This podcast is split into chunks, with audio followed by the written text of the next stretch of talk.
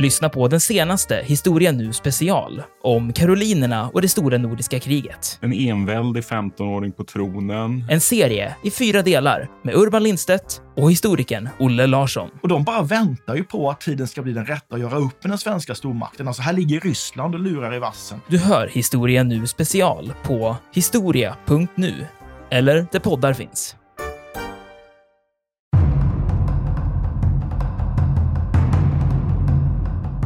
Nej, men det är ju så att Spanien försöker eh, komma med ett förslag faktiskt. 1897 i slutet här, innan det här blir Vi ser till att vi ordnar till de här förhållandena eh, på Kuba och så vidare. Men det är ju inte amerikanerna nöjda med.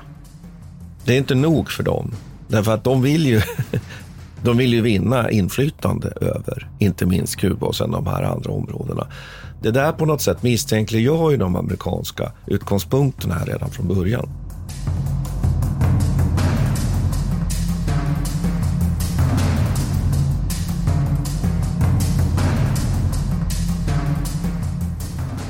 Militärhistoriepodden är podden om krig med människor och samhället i fokus. Programledare är Martin Hårdstedt, professor i historia vid Umeå universitet och Peter Bennesved, doktor i idéhistoria. Podden ges ut av förlaget Historiska Media. Stöd gärna MH-podden via vårt swishnummer 123 610 76 68. Märk betalningen med MH-podden.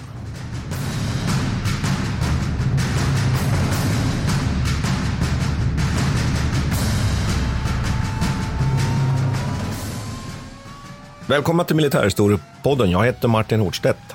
Och jag heter Peter Bennesved. Hörru Buffalo Soldier From the heart of America. Jag tror den, låt, jag tror den går så faktiskt. En gammal eh, reggae-låt, eller hur Peter? Gillar ja, du reggae? Faktiskt, jag kom också tänka på den när jag läste in ja, på den här. Faktiskt. Och ja. det finns en fantastisk koppling mellan Bob Marley och reggae och dagens avsnitt som ju handlar om spansk-amerikanska kriget 1898. Men vad är kopplingen? Buffalo Soldiers. En Buffalo Soldier, det är väl en, en eh, afroamerikansk soldat? Va? Ja, Så jag tolkat det. som rekryteras till framförallt 9 och 10 kavalleriregementet. Och som kommer att delta sen i landstigningen på Kuba under mm. det drama som vi ju ska avhandla idag. Just det, och det är verkligen ett drama får man säga. Det har gett inspiration till väldigt mycket filmer och böcker och grejer. Och det, och det har, eh, precis som vi har pratat om många gånger förut, det finns en slags naturlig dramaturgi här också som är väldigt spännande. Och jag vet inte, det har blivit på något, slags, på något vis är det väldigt så kulturellt, eh, gjort ett enormt kulturellt avtryck. Trots att själva kriget är ju ganska begränsat och ganska kort. Va? Det är ju väldigt eh, kort men intensivt, pågår egentligen under ett år från krigsförklaring till, till eh, fredstraktat. Ett kolonialkrig skulle man kunna säga egentligen, ja, det är det med, med flottstyrkor. Vi återkommer lite till det här. Men, eh, och det har gett ja. väldigt, väldigt mycket likheter med det som, sånt som vi har pratat om förut, som Boerkriget tycker jag, som är mm. väldigt eh, vi kan, vi kan gå in på det också. Men jag skulle vilja, skulle säga, vilja starta upp där vi kanske kan avsluta och säga så här att det här är ju början på någonting. Och det är slutet på någonting ganska stort och väsentligt i, får man väl säga, den, den västeuropeiska historien med Nordamerika och USA eh, tillagt så att säga. Ja, men exakt. Det finns två, två historiska linjer egentligen som man kan följa. Den ena är liksom USAs historia här och deras vändning från att vara isolationistiskt till att bli själv egentligen en slags kolonialmakt. Eller det beror på hur man ser på det då. Ja, eller men det får man nog konstatera. Ja, ja. Vara, en makt, vara en makt som ju uppstår i ett motstånd mot en, en europeisk kolonialmakt, det brittiska imperiet. Och att man ju här fullt ut nu då tar steget mot att själv bli en man skulle nog kunna säga imperialistisk stat om man vill använda det begreppet. Och det här finns ju flera steg och vi har varit inne bland annat på det som man brukar kalla för indiankriget, det vill säga den process som leder till att man så att säga, koloniserar och trycker undan sin, urbefolkningen i, i Amerika på den amerikanska kontinenten och når Stilla havet. Sen kan det finnas anledning kanske ta upp också de konflikter man har alltså, under, med, med Mexiko till exempel i något annat avsnitt. Men, men här har vi så att säga egentligen på något sätt kan man väl kunna säga slutpunkten på den där processen som leder till att USA blir från att ha varit en styrd koloni till att själv bli en kolonialmakt. Så skulle man kunna uttrycka det. Ja, det är precis. Intressant.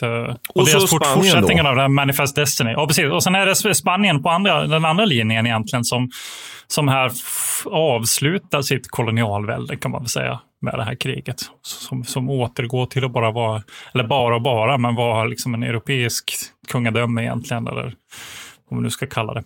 Men jag tycker vi kan, vi kan faktiskt börja med den spanska linjen, faktiskt förklara vad det är som står på spel här. För det spanska-amerikanska kriget involverar ju egentligen framförallt två ögrupper, eller öriken, eller vad man ska kalla det. Det ena är å ena sidan Filippinerna och å andra sidan Kuba, som du säkert känner till. Och det här har ju då varit i spansk ägo sedan 1492, eller man börjar liksom expandera i, det här, i den här riktningen 1492. Och faktiskt redan 1515 så etablerar man Havanna på ön Kuba, alltså staden Havanna. Eh, och Filippinerna tas väl för den spanska kronans räkning från och med 1565 ungefär. Det är lite senare. Ja, det är lite senare, men det är å andra sidan på andra sidan, eh, liksom, andra Mm. sidan den här kontinenten också. Det var, nu finns det ingen Panamakanal heller att åka igenom, så det är betydligt mer komplicerat att ta sig runt egentligen. Och så 1571 så ges den här ögruppen då det namn som vi idag känner till det som. Och det är alltså i den spanska kungen Filip den andras ära, så då blir det Filippinerna. Och för Spaniens del så följer då en, ganska lång period av konsolidering och egentligen konflikt med andra imperialistiska europeiska länder. Jag tänker att vi ska inte gå in på den där perioden. Det är rätt intressant i och för sig va, hur man slåss med, med både britter och eh, fransmän och ömsom. Och man kan väl säga att Spanien blir ju väldigt stort under den här tiden. Det når ju sin höjdpunkt eh, under 1600-1700-talet. Men sen så är det under 1800-talet så börjar det här falla, falla isär. Och det börjar egentligen 1809 då med revolutionskrigen och efterdyningarna av revolutionskrigen i Europa. Och eh, efter, eller mellan 1809 fram till 1825 egentligen kan man säga att hela Sydamerika, hela den kontinenten och Centralamerika blir egentligen självständigt bildas ett antal olika stater och det börjar med Venezuela. Eh, och det är ju bland annat den här Simon Bolivar, som du säkert känner till, som driver det här. Hur som helst så, så eh, är det här kanske ingenting vi ska fördjupa oss i nu, men det tycker jag är en viktig bakgrund där. Det är att, för om det är någonting som Kuba väl är känt för, tänker jag, och även i viss mån Filippinerna, så är väl det här revolutionära draget var, och det ständiga självständighetsivrandet. För det är liksom det kommer lite senare till Kuba och Filippinerna, men, men det, det är här någonstans det börjar. Va? Så att 1868 så går Kuba i bräschen med en revolt som i praktiken var i nästan tio år. Det Kallas för också tioårskriget. Och även i Filippinerna håller man på att skapa olika revolter för att försöka slå sig lös från den spanska kronan. Cool fact a crocodile can't stick out its tongue. Also, you can get health insurance for a month or just under a year in some states. United Healthcare short term insurance plans, underwritten by Golden Rule Insurance Company, offer flexible, budget friendly coverage for you. Learn more at uh1.com. Hey, I'm Ryan Reynolds. At Mint Mobile, we like to do the opposite of what Big Wireless does. They charge you a lot, we charge you a little. So naturally, when they announced they'd be raising their prices due to inflation, we decided to deflate our prices due to not hating you. That's right. We're cutting the price of Mint Unlimited from $30 a month to just $15 a month. Give it a try at mintmobile.com slash switch. $45 upfront for three months plus taxes and fees. Promo rate for new customers for limited time. Unlimited more than 40 gigabytes per month. Slows. Full terms at mintmobile.com. Even when we're on a budget, we still deserve nice things. Quince is a place to scoop up stunning high-end goods for 50 to 80% less than similar brands. They have buttery soft cashmere sweaters starting at $50, luxurious Italian leather bags, and so much more. Plus, Quince only works with factories that use safe, ethical, and responsible manufacturing. Get the high-end goods you'll love without the high price tag with Quince. Go to quince.com slash style for free shipping and 365-day returns. Den här konflikten på Kuba löses inte alls, men och, och det fortsätter egentligen. Resultatet blev man skriver ett slags fredstraktat som egentligen inte blir någonting av. Så fortsatt under 1890-talet så växer liksom de revolutionära krafterna på Kuba. Och Spanien möter väl det här helt enkelt genom förtryck. De har väl inget bättre verktyg mer än att bara försöka slå ner de här revolterna med våld egentligen och ha liksom soldater utplacerade. Så det är väl, ska vi säga, Spanien försöker med näbbar och klor hålla kvar det sista de har. Eh, de här öarna. Och det är ju även öarna, ögruppen, de här eh, Marshallöarna, som vi har diskuterat tidigare under, eh, under kriget under Stilla havet. Och sen är Guam och Marianaöarna också. Puerto, Puerto Rico. Ja, Puerto Rico. Ja, precis. Mm. Puerto Rico mm. med här också. Eh, så det är de här ögrupperna som finns kvar då i den spanska kronan. De har också viss, vissa besittningar i västra Afrika, eller spanska Sahara som de kallar det också. Och försöker etablera sig längs med liksom den nordafrikanska kusten där vid Gibraltarsundet och norra Marocko. Så de försöker liksom bita sig kvar kan man säga och behålla sin stormaktsstatus, men lyckas väl sådär med det. De har en flottstyrka som är ganska, ganska stark, som byggdes upp under revolution, revolutionsåren egentligen, när man satte igång och satsade väldigt mycket pengar då.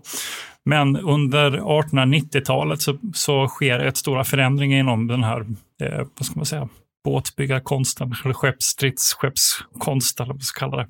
Och man går ganska snabbt från sådana här fartyg som ska skjuta bredsidor till att ha långskjutande artillerikanoner som gör att spanjorerna hänger inte riktigt med i den här utvecklingen. Så man har en ganska stor flottstyrka som för övrigt fortfarande kallas spanska armadan, tycker jag är roligt. Mm, mm.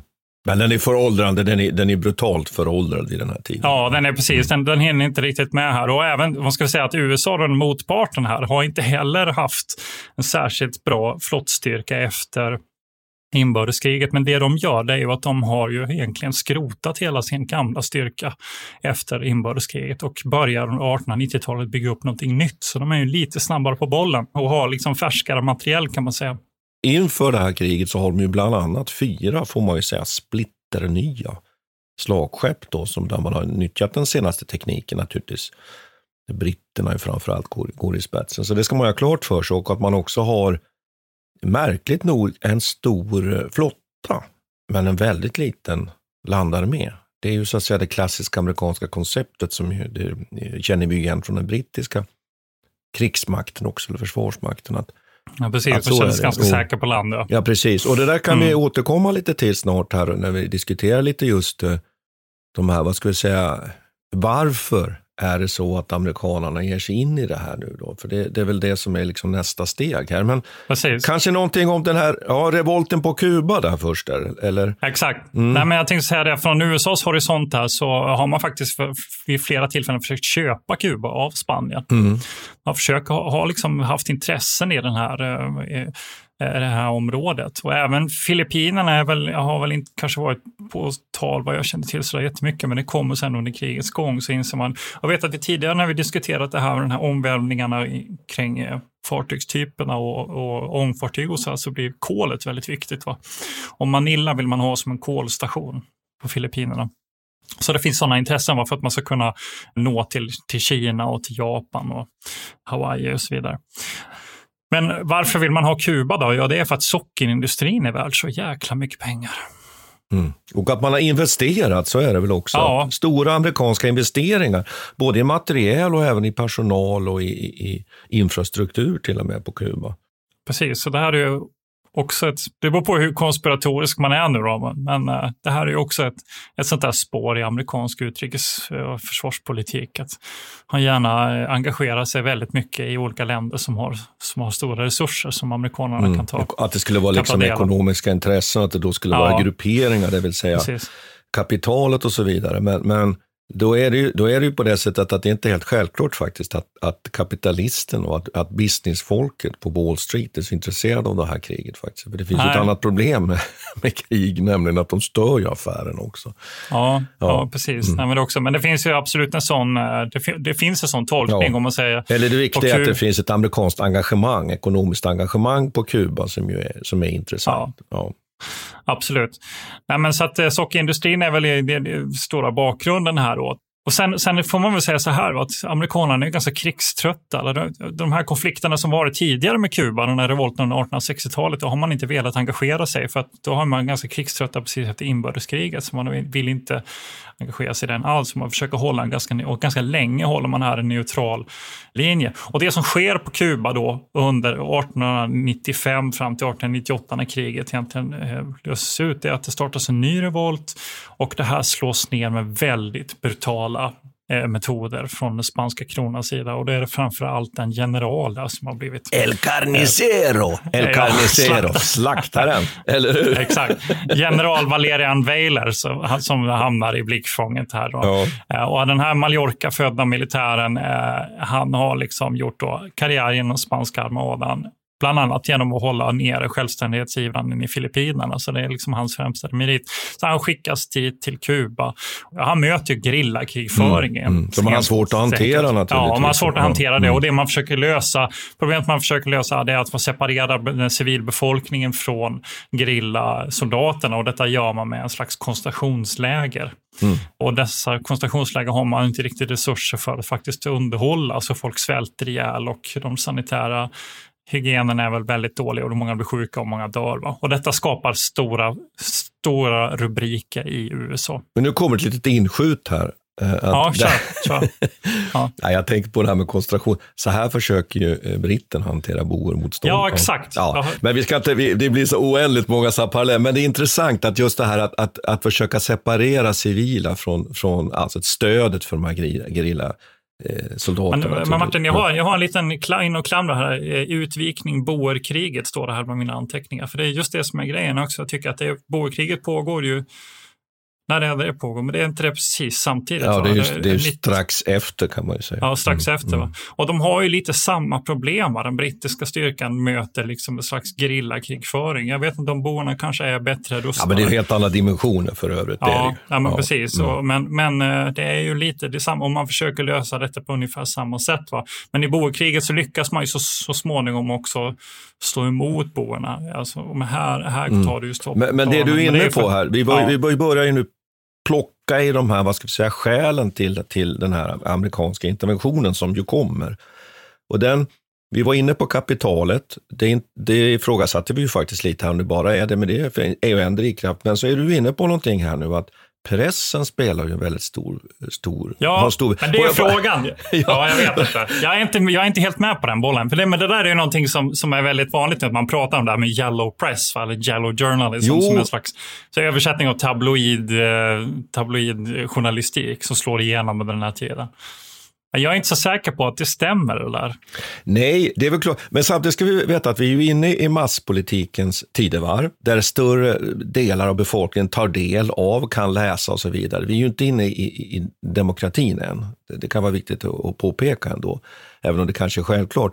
Men att man ändå kan bygga opinioner. Sen håller jag med dig om att ja, det du är ute efter här, antar jag, att vad, vad har det egentligen för betydelse att man skriver de här nu då brandartiklarna i pressen, bland annat i den här Pulitzer, det kanske man, som folk förknippar med Pulitzerpriset, var New York World till exempel. Det finns en annan som heter Hearst i New York Journal. Ja, alltså, de, väl sett Citizen Kane, Martin? vad sa du? Du har väl sett Citizen Jo, jo, Kane-filmen? eh, tyvärr. Och Ja. jag gillar inte sånt där, det vet du. Men, eh, men det man kan säga att, att, att här finns det ju någonting som är ändå intressant, att det, det finns en opinionsbild och att man driver då olika typer av linjer. Här då, att man, vi måste intervenera, titta på eländet. Eh, det är en humanitär katastrof. Borde det inte vara bättre att dessa, och nu kommer det, de här kubanerna också får sin frihet? Borde inte vi eh, bidra till det? Vi som är en stat, en nation som är sprungen ur en frihetstjänst och så vidare. Men sen håller jag med dig om att vad har det för betydelse? Det som det kanske har, har störst som främsta betydelsen är väl att det ger personer i framförallt kongressen och senaten, och då ska vi ju komma ihåg nu då att det politiska systemet i USA är ju uppdelat här. Då. Dels finns det liksom ett parlament eller en folkförsamling, den är ju uppdelad i två delar. Det är viktigt att komma ihåg. Så att presidenten, som ju också är en maktfaktor här, han måste ju så förhålla sig då, presidenten med, med ansvaret för utrikespolitiken, han måste ju förhålla sig till både en kongress och en senat. Och där kan man ju tänka sig där vill jag påstå att där kan man tänka sig att de där nätverken som byggs upp och börjar driva vissa typer av budskap och linjer för utrikespolitiken, där, där tror jag det har betydelse. Det tror jag. Mm. Men kanske inte för Alltså, jag- opinionen i USA. Jag, jag skulle nog säga att jag tycker att det här är ett ganska intressant historiografiskt problem faktiskt. För om man tittar på, om man, om man tittar på liksom litteraturen kring det här kriget, det som har kommit de senaste 20 åren har ju varit väldigt mycket mediahistoria. Och så och, och, och mediehistorikerna har varit väldigt måna om att lyfta fram det här. Aha, det är Och det är därför du, mis, är mis, misstänker Ja. du att... Okej. Exakt. Och det finns, då, det finns två teman som har varit väldigt framträdande runt spanska-amerikanska kriget. Å ena sidan är det Buffalo Soldiers, Just deras, eh, deras Mm, insats. Har Afroamerikanska soldater. ja, mm. Exakt, det här postkoloniala perspektivet och sen är det det här medieperspektivet och där har man lyft fram den yellow press väldigt mycket. Och sen, sen när folk har tittat på det här, men vilka tidningar är det egentligen som skriver så väldigt mycket av de här tabloiderna här blåser upp de här stora rubrikerna om, om spanska atrocity då i, i Kuba. Ja, men då är det ett antal, bara ett fåtal tidningar egentligen i New York-området som, som Okej. man faktiskt har. Mm. Så då är det frågan där, hur stor, hur stor roll har det verkligen spelat? Är det bara ett nytt sätt att tolka historien, så att, säga, att man har varit intresserad av de här mediefrågorna, men i praktiken har det inte haft så, så stor roll. Så jag tycker det, det är intressant. Men, men det är klart att, jag vet inte, vi har ju direkta erfarenheter från krigsstämningar i, i Europa alldeles nyss, va? och då är, då är det inte så svårt att se att det här Nej. ändå spelar roll. Men, men får jag spela in Ja. en, en tredje faktor Ja, kör- här? Om vi nu säger de här ekonomiska och vi säger att det finns någon form av, vad ska vi kalla det för? Pressopinionsbildande effekt. Då skulle jag vilja säga att det finns underliggande idéer nog inom ledarskapet i USA som ju snarare handlar om att man ser en ny roll för USA som stormakt. Och då är det så att vid den här tiden så finns det ju en, en, en, en får man väl säga, militärteoretiker. Framförallt flottteoretiker, sjökrigföringsteoretiker som heter Mayhem. Och han presenterar ju en idé att all världspolitik, eller en stats roll i världssamfundet, det avgörs av flottan. Att flottan är så oerhört viktig. Och då tittar han naturligtvis på det brittiska imperiet som exempel. Och då behöver man de här flottbaserna. Och du har varit inne på det här med att man behöver, man behöver då stationer för att kunna koltanka, det finns ett sånt begrepp, koltanka sina fartyg och så vidare, stödjepunkter. Och då ser han ju det brittiska imperiet som ett lysande exempel på detta som ju har flottbaser runt om i världen. Och där någonstans då så växte en idé om att USA kanske ska skaffa sig den här typen av baser. Och då finns det ju några problem här. Eh, och då vill jag bara tillägga sen att det är inte helt säkert att Mayhem egentligen var den här, vad ska vi säga nu då, tillskyndaren av en aggressiv amerikansk imperialistisk politik. Det kanske är ett fel att tolka honom så. Han är mer liksom teoretiker. Men det finns kopplingar mellan honom och några väldigt högljudda personer, bland annat då Theodore Roosevelt som finns med här och som finns med i, i flottdepartementet och är, är en av de här högsta statssekreterarna där och som har faktiskt sett till att USA verkligen aktivt bidragit till att USA har fått den här flottan som vi nämnde här nu, den här högklassiga flottan. Och nu kommer ju lite frågan här då. Den här flottan, vad ska man ha den till då? Då kan det ju vara så att här ser man nu en möjlighet att vi har flottan, vi har medlet och målet skulle då vara att bygga nu USA som imperium. Men då finns det ett stort politiskt problem här och det är väl där som det väcks motstånd då. För då frångår man ju den grundläggande principen i amerikanskt, helt, vad ska jag säga, i hela den amerikanska nationens grundval, nämligen att nu ska man ju plötsligt bli en kolonialmakt. Man har ju själv en gång i tiden gjort sig fri från en kolonial. Just det. Ja. Och hur löser man det? Ja, hur det här löser man det?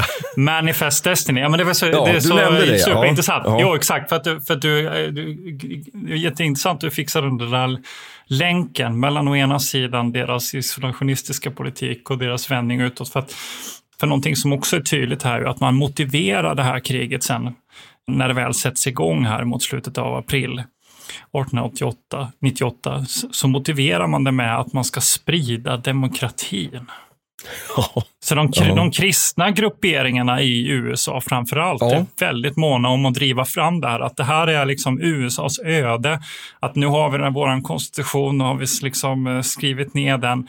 Den är lösningen på alla problem. Nu ska vi också sända ut den till världen. Och det här blir en del av deras... De får alltså en Jätteintressant egentligen. De vänder ju då sin identitet mot att också bli expansionistisk eller ett slags imperiebyggande i demokratins namn. Va? Ja, och det här Manifest Destiny som du var inne på, det använder Ja. man ju också på den amerikanska kontinenten när man Exakt, här blir fortsättningen. Ja, liksom hantera sin, Mm. sin urbefolkning. Nämligen att, lite som du säger i enkla drag här, nu kanske jag liksom repeterar det du säger, men att vi har ju hittat lösningen, den fantastiska lösningen. Och inte minst är ju som du säger, de här kristna grupperingarna väldigt intresserade av att missionera på Filippinerna. där det finns miljontals människor som man ser nu behöver de, den kristna det kristna budskapet och så vidare. Då. Och inte minst protestantiska inriktningar inom kristenheten i USA är väldigt intresserade av det här. When you're ready to pop the question, the last thing you want to do is second guess the ring. At BlueNile.com you can design a one-of-a-kind ring with the ease and convenience of shopping online. Choose your diamond and setting. When you find the one, you'll get it delivered right to your door. Go to Bluenile.com and use promo code LISTEN to get $50 off your purchase of $500 or more. That's code LISTEN at Bluenile.com for $50 off your purchase. Bluenile.com code LISTEN. Hiring for your small business? If you're not looking for professionals on LinkedIn, you're looking in the wrong place. That's like looking for your car keys in a fish tank. LinkedIn helps you hire professionals you can't find anywhere else, even those who aren't actively searching for a new job but might be open to the perfect role. In a given month, over 70% of LinkedIn users don't even visit other leading job sites. So start looking in the right place. With LinkedIn, you can hire professionals like a professional. Post your free job on linkedin.com slash people today. Hey there, it's Michelle Norris. I'm host of a podcast called Your Mama's Kitchen. When I travel, I'm usually looking for a way to find a taste of home when I'm not at home. And one of the things I love to do when I am at home is entertain. And Airbnb allows me to do that. When I was in California recently, I rented a house that had a great kitchen. And when we were sitting around the table, we we're all thinking, we're in someone else's house. Someone could be in all of our homes as well. If you have a home, but you're not always at home, you have an Airbnb. Your home might be worth more than you think. Find out how much at airbnb.com slash host.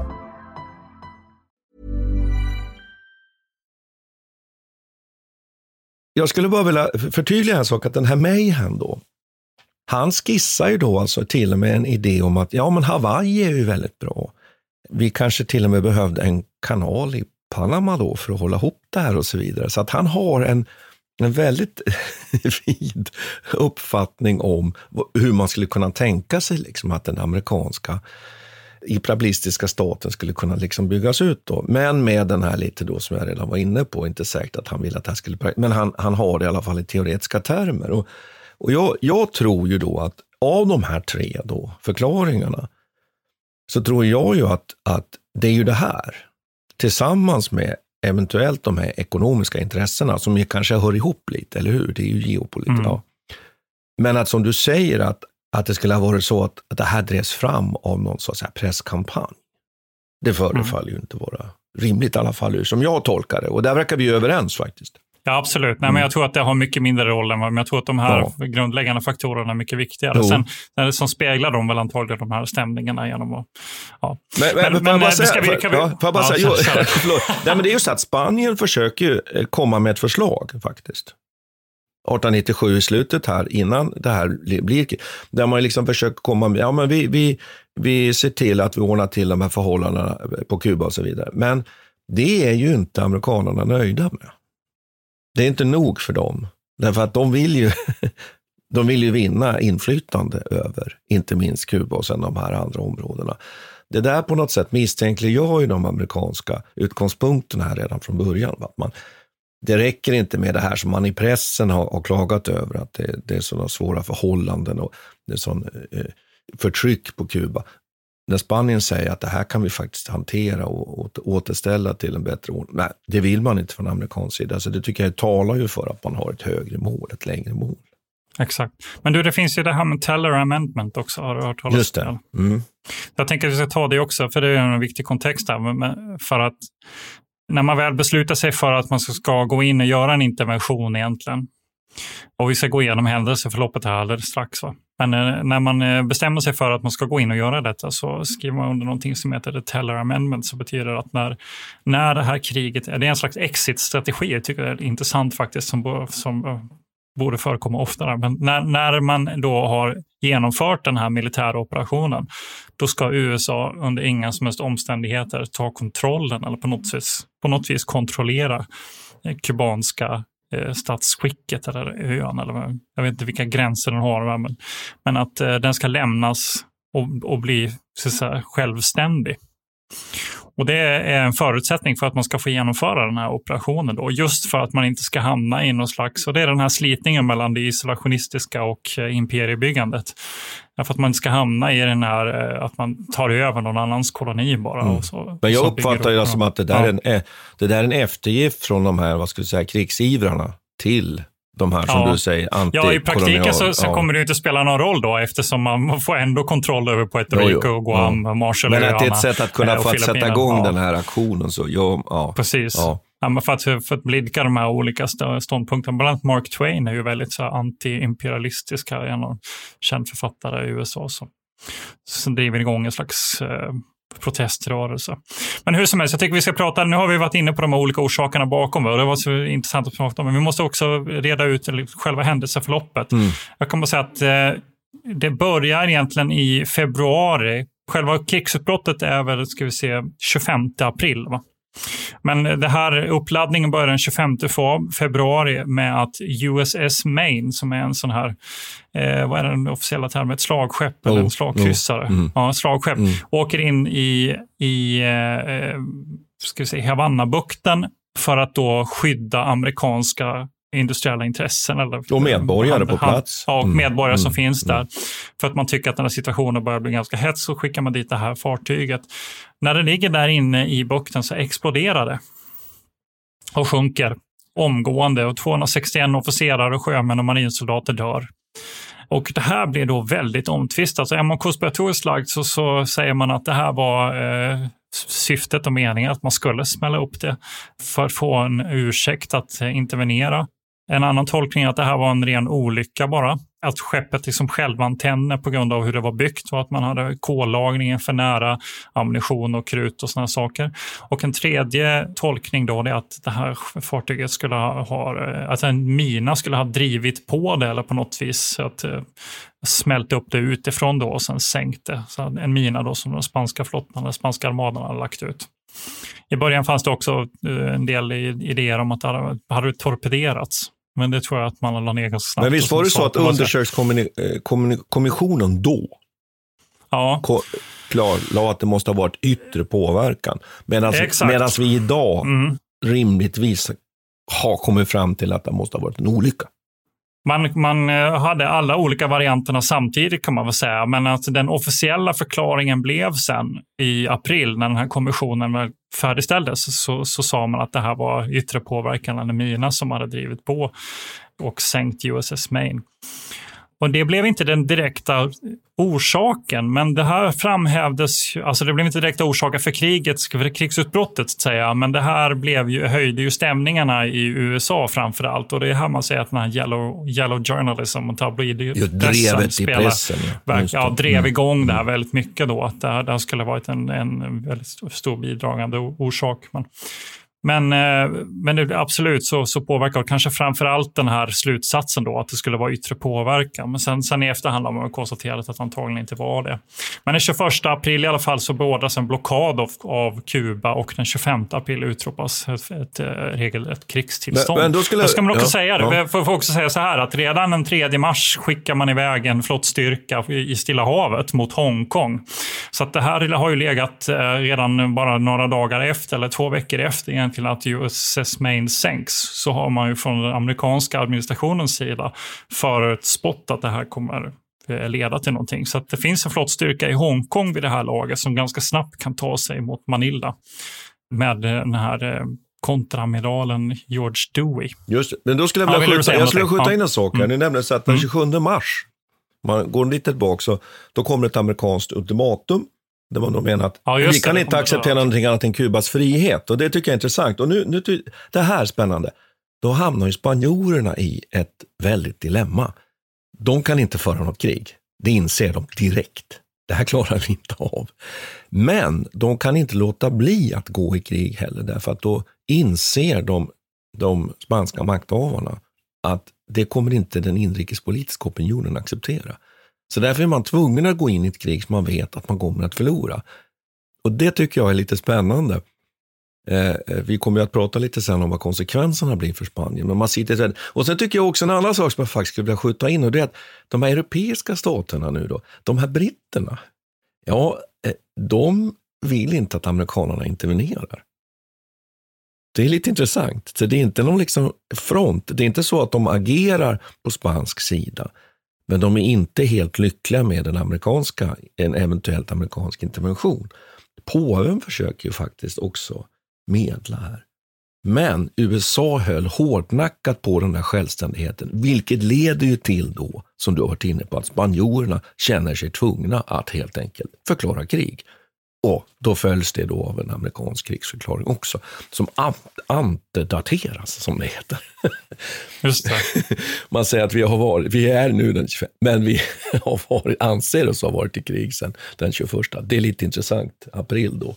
Så beslutet tas några dagar senare, men man sätter det till den 21. Men nog om det, då är man plötsligt i krig. Och som du säger nu här då, så har man ju en truppstyrka redan under Dewey, som är en skicklig befälhavare, och som har då ett antal kryssare som ju agerar nu. Och det första egentliga eh, krigshandlingarna äger ju inte alls rum på Kuba.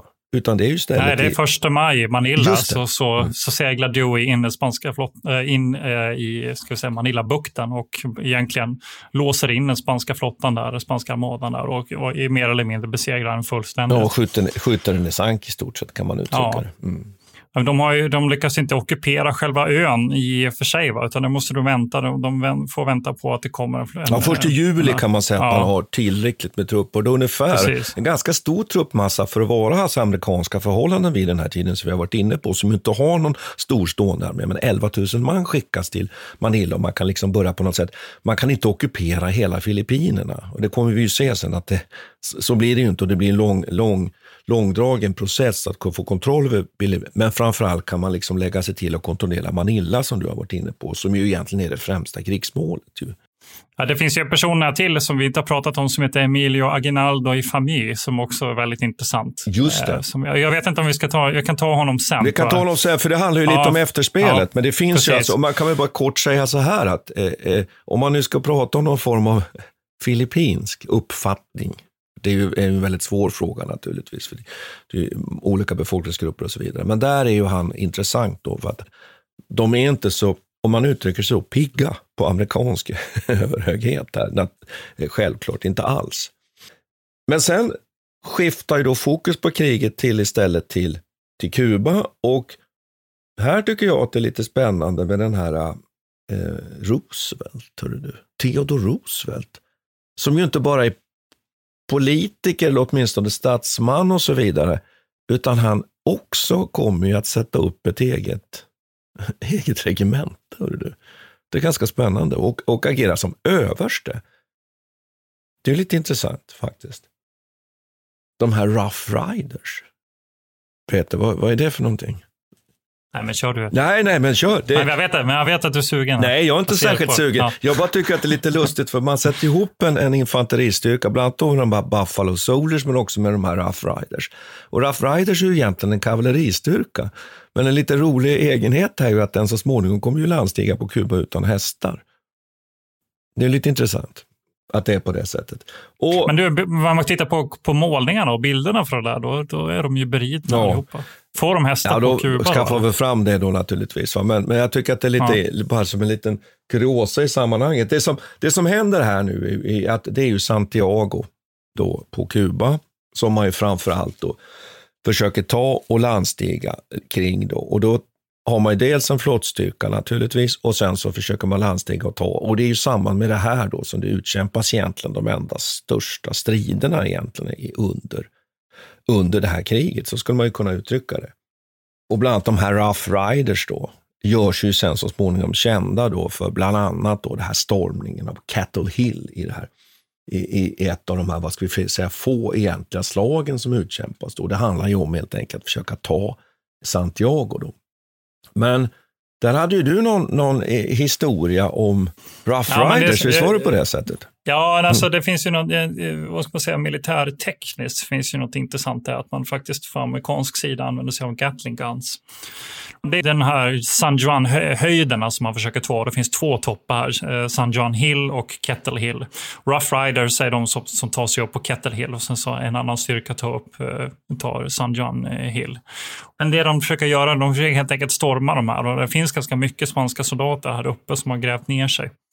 Man har faktiskt med sig en liten styrka med fyra stycken Gatling Guns. Och det är ju tidigt Just det. ändå. Mm. Eh, och det är de enda man har. Men, men eh, de, de skjuter på bra. Och det man gör då, det är att man eh, helt enkelt man lägger eld längs med, längs med kanten på de här och får, ner, får ner huvudet på de spanska soldaterna. Nedhållande eld, Peter, ja, ned. Precis, nedhållande eld är tydligen den korrekta termen här. Idéhistoriker har svårt för de där militära termerna. Hoppas att ni förlåter mig. Men de, de, i alla fall, han försöker liksom hålla nere de, de spanska soldaterna här uppe och under elden egentligen så, så tar sig Rough Riders upp eh, längs med den här kanten och kan- då på det viset slå, slå mot den här höjden och ta den. Och det här är ganska intressant eh, och det framhävs i alla fall i litteraturen då som ett ganska innovativt sätt att strida och ett bevis för att, för att du kan använda maskingevär på ett offensivt sätt. Inte bara defensivt, som annars är det liksom den tydliga användningsområdet för det här. Att man tänker sig att det är en låst position och så försvarar man sig. Utan här är offensivt. Ja, vi har varit lite inne på det här när vi pratar faktiskt om det, det, det rysk-japanska kriget. Att här var ju problemet just att man inte hade lärt sig det här med att använda de här vapnen, utan de var mer defensiva monster. Och sen anföll man mot dem. Men just att man använder dem då, eld, givning, hålla ner, rörelse. För det är ju det du beskriver här egentligen. Nedhållande eld och sen kommer rörelsen. Och då är, är soldaterna, de amerikanska soldaterna, i princip inne i den spanska grupperingen. Då lättar man på elden och så gör man inbrytningen. Så det är ju egentligen eh, fundament i, i, i, i stridstekniken. Den det västsvenska det, stridstekniken. Jag förklara en gång till? Eld och rörelse, jag har aldrig jag hört dig tänker säga inte ta det en gång till för då kommer du göra mig till åtlöje.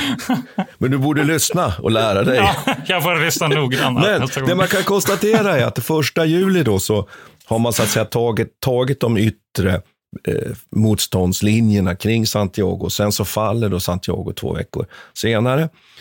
Och spanjorerna försöker en utbrytning och lite sånt här. Men, men man kan väl bara konstatera att det går ganska smärtfritt i någon mening. Det, det är ju ett väldigt, väldigt litet, litet krig här. Dessutom så tar man ju Puerto Rico också den, den 18 juli kan vi tycka man kan konstatera. Den 12 augusti så har vi den här kedjan nu då, så kommer eldupphör och sen kommer det avslutas det ju här då med det här Parisavtalet den 10 december 1898 som på ett märkligt sätt överför ju de här områdena till USA. Det, det är väldigt intressant att det blir på det sättet. Och då tycker jag där att, men det är ju då en, ja, det är inte en sanning med modifikation, men man, har, man kan säga att från att man går då från det här, går man ju direkt in i en, i en konflikt på Filippinerna, eller hur? Och nu är vi ju tillbaks Ja, du kan väl, du kan väl säga vad, framförallt vad det handlar Mm. om. Det betyder, det, Parisavtalet betyder ju att Guamöarna blir amerikanska. Man köper Filippinerna för 20 miljoner dollar av, av Spanien. Så man får inte den så bara rakt av, utan man köper den. Och man, man får Puerto Rico. Kuba blir självständigt. Och Marshall och Marianaöarna blir också amerikanska. Så det, det, så det som är slutresultatet av, av, eh, av det här kriget kan man säga.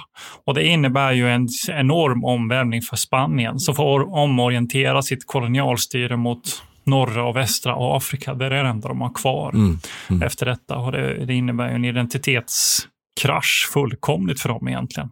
Medan USA å andra sidan blir, blir liksom ett imperialmakt. Planning for your next trip? Elevate your travel style with Quince. Quince has all the jet setting essentials you'll want for your next getaway, like European linen, premium luggage options, buttery soft Italian leather bags, and so much more. And it's all priced at 50 to 80% less than similar brands. Plus, Quince only works with factories that use safe and ethical manufacturing practices. Pack your bags with high-quality essentials you'll be wearing for vacations to come with Quince. Go to quince.com slash trip for free shipping and 365-day returns. Even when we're on a budget, we still deserve nice things. Quince is a place to scoop up stunning high-end goods for 50 to 80% less than similar brands. They have buttery soft cashmere sweaters starting at $50, luxurious Italian leather bags, and so much more. Plus, Quince only works with factories that use safe, ethical, and responsible manufacturing. Get the high-end goods you'll love without the high price tag with Quince.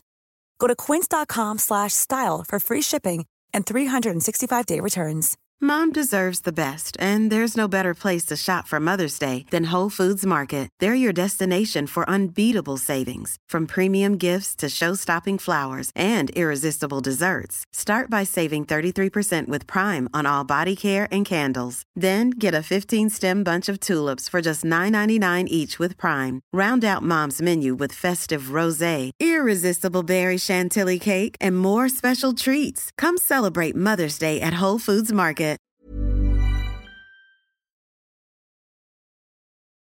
Sen är det ju det att man ärver den här konflikten i Filippinerna. Och jag nämnde den här Emilio Aguinaldo i Familj tidigare och jag sa också att eh, George Dewey han utgick från eh, Hongkong. Och det är bland annat för att den här Emilio Aguinaldo i Familj befinner sig i Hongkong. Och han har skickats i exil under ett avtal några år tidigare för att lösa den här revolterna och konflikterna på, på Filippinerna. Han har skickats i exil till Hongkong till, eh, med en stor summa pengar för att han ska hålla sig borta. Med de här pengarna köper han vapen och manfolk och han sluter alltså upp med George Dewey där och får följa med till Manila. Så under, medan man väntar på att de här 15 000 starka infanterisoldaterna från USA ska anlända i Manila så man verkligen kan ockupera den här ögruppen så är det faktiskt eh, Aguinaldo i familj som, som tillsammans med sina rebellstyrkor egentligen håller, håller ställningarna här. Och det som är intressant också att det blir ett slags phony war här. För det som händer så här va, att Aguinaldo, han vill ju att Filippinerna ska bli självständigt. Och han tror i början att han eventuellt kommer kunna få amerikanerna till att ge dem självständigheterna. Men amerikanerna är inte intresserade av det här. Utan de vill fortsätta ha kontrollen över Filippinerna. Och de vill ha bland annat Manila som en kolningsstation, eller kol, vad du kallar det? Koltankning kol, ja, Kolbunkring tror jag, mm. jag tycker är mycket mer begripligt begrepp. Sak samma. Men amerikanerna är inte intresserade av det här och det infinner sig ett slags samförstånd mellan USA och Spanien i den här frågan. Att vad som än sker så ska i alla fall inte de här ursprungsbefolkningen tar kontroll över det här området. Så de här 15 000 soldaterna som sprider sig över den här ögruppen sen, de bedriver ett slags låtsaskrig mot de spanska soldaterna med oerhört få förluster egentligen, där de spanska soldaterna bara drar sig undan och, och flyr egentligen och utan att några särskilt stora strider. Och de gånger det verkligen blir strid så handlar det om missförstånd mer eller mindre. Och det är för att det ska vara tydligt att USA har ockuperat alla de här öarna så att man hela tiden ser till så att ursprungsbefolkningen befolkningen inte får utrymme att ta kontroll över, över någonstans i det här. Så det är en väldigt märklig företeelse. I den här konflikten så finns det här samförståndet mellan imperialmakterna egentligen för att hela tiden underkuva Filippinerna. Och det här kommer ju bita dem eh, i arslet, men det, det kommer ju få väldigt stora konsekvenser för USA. För det som sker direkt på egentligen det här spanska-amerikanska kriget är ju att ett inbördeskrig, eller vad ska man säga, ett amerikanskt-filippinskt krig påbörjades som fortsätter fram till 1902 egentligen, som är oerhört blodigt. Ett kolonialkrig? Ja, ett kolonialkrig i dess rätta mm. bemärkelse mm. faktiskt. Och det är, det är Arthur MacArthur som, som leder den där. Mm. Och eh, jag vet inte om du känner till MacArthur, har du hört talas om honom? Jo, faktiskt. Ja, Ja, men han kommer ju sen vara väldigt viktig under Stilla havskrigen här och, och försvara Manila in i det sista egentligen. Och det är hans pappa som driver det här kolonialkriget egentligen. Så det där är en viktig, det kanske vi kan få eh, orsak att återkomma till. Men, men eh, jag vet att vi alldeles nyligen gjorde vi ett avsnitt om, om, eh, om eh, vad kallar vi det, brutalism och, mm, och mm. bestialiteter. Och där kan man ju säga att här har ju amerikanerna verkligen gjort sig skyldiga till en hel del tortyr och eh, hemskheter och, och massakrer på den filippinska befolkningen under den här konflikten. Så att de, så det, det spanska styret var ju eh, inte bättre, kan man säga. Men det, ja, det, nej, det blev inte bättre än amerikanskt styre heller. Men det intressanta är ju här då att då, då, det, du, det, du, det som vi kommer fram till här, det är att USA plötsligt då, som vi redan har sagt, ändrar ju här lite riktning. Och man kan ju fundera på, på sin utrikespolitik. Den har funnits redan i vardande, men här blir den ju definitiv.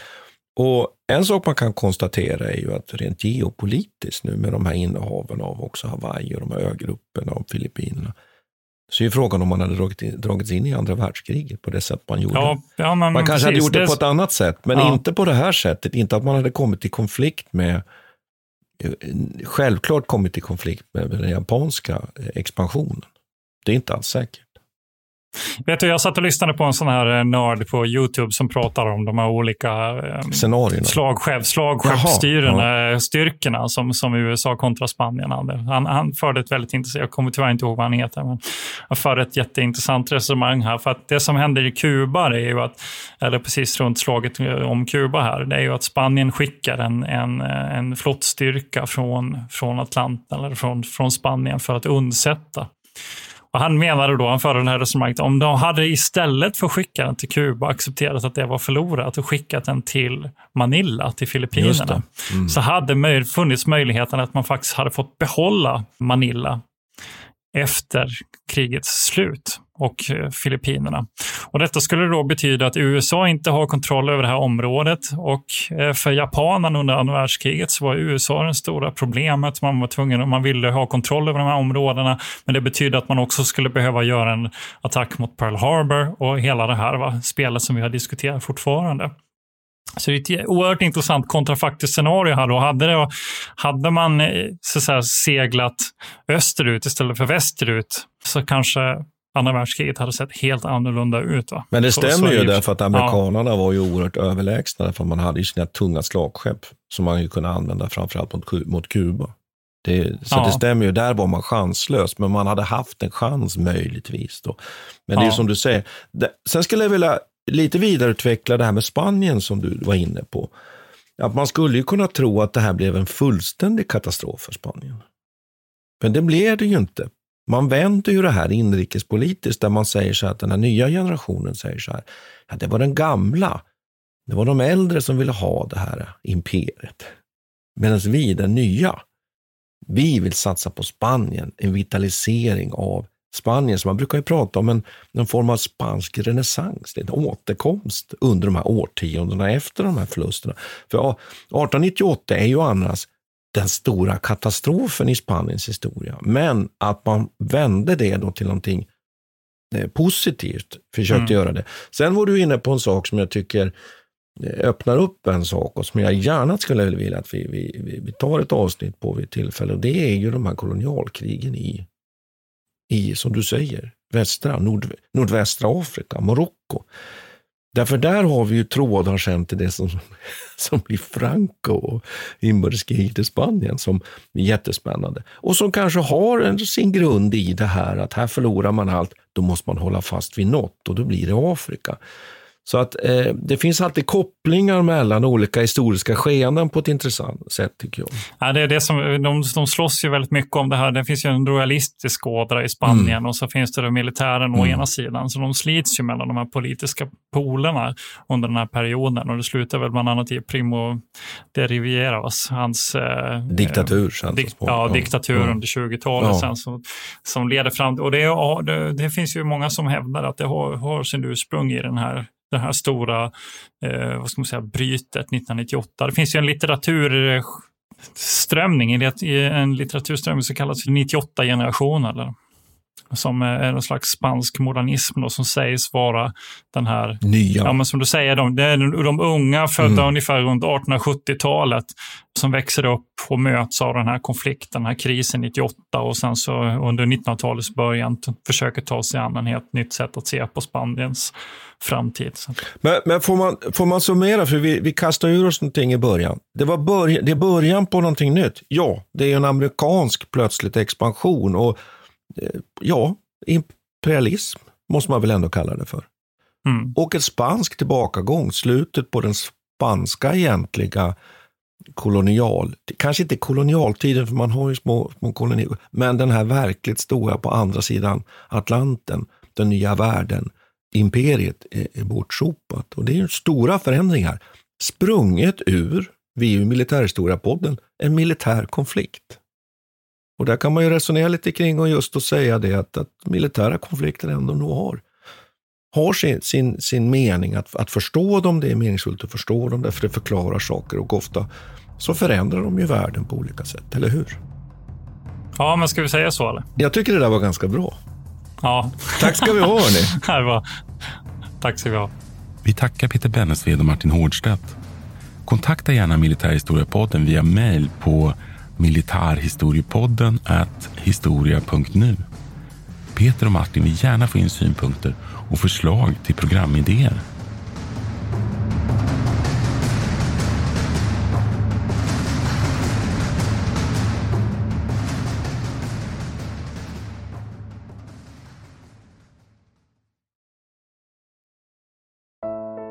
Iran har under 1900-talet genomgått tre omvälvande revolutioner som orienterat landet antingen mot västerlandets modell eller mot en auktoritär styrelseform. Idag pågår en social revolution i landet som vänder sig mot det islamistiska styret och vars anhängare har Europa och väst som förebilder.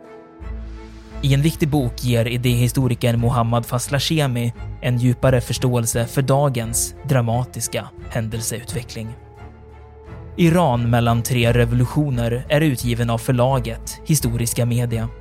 Beställ den fysiska boken på förlagets hemsida historiskamedia.se eller köp den i en bokhandel nära dig.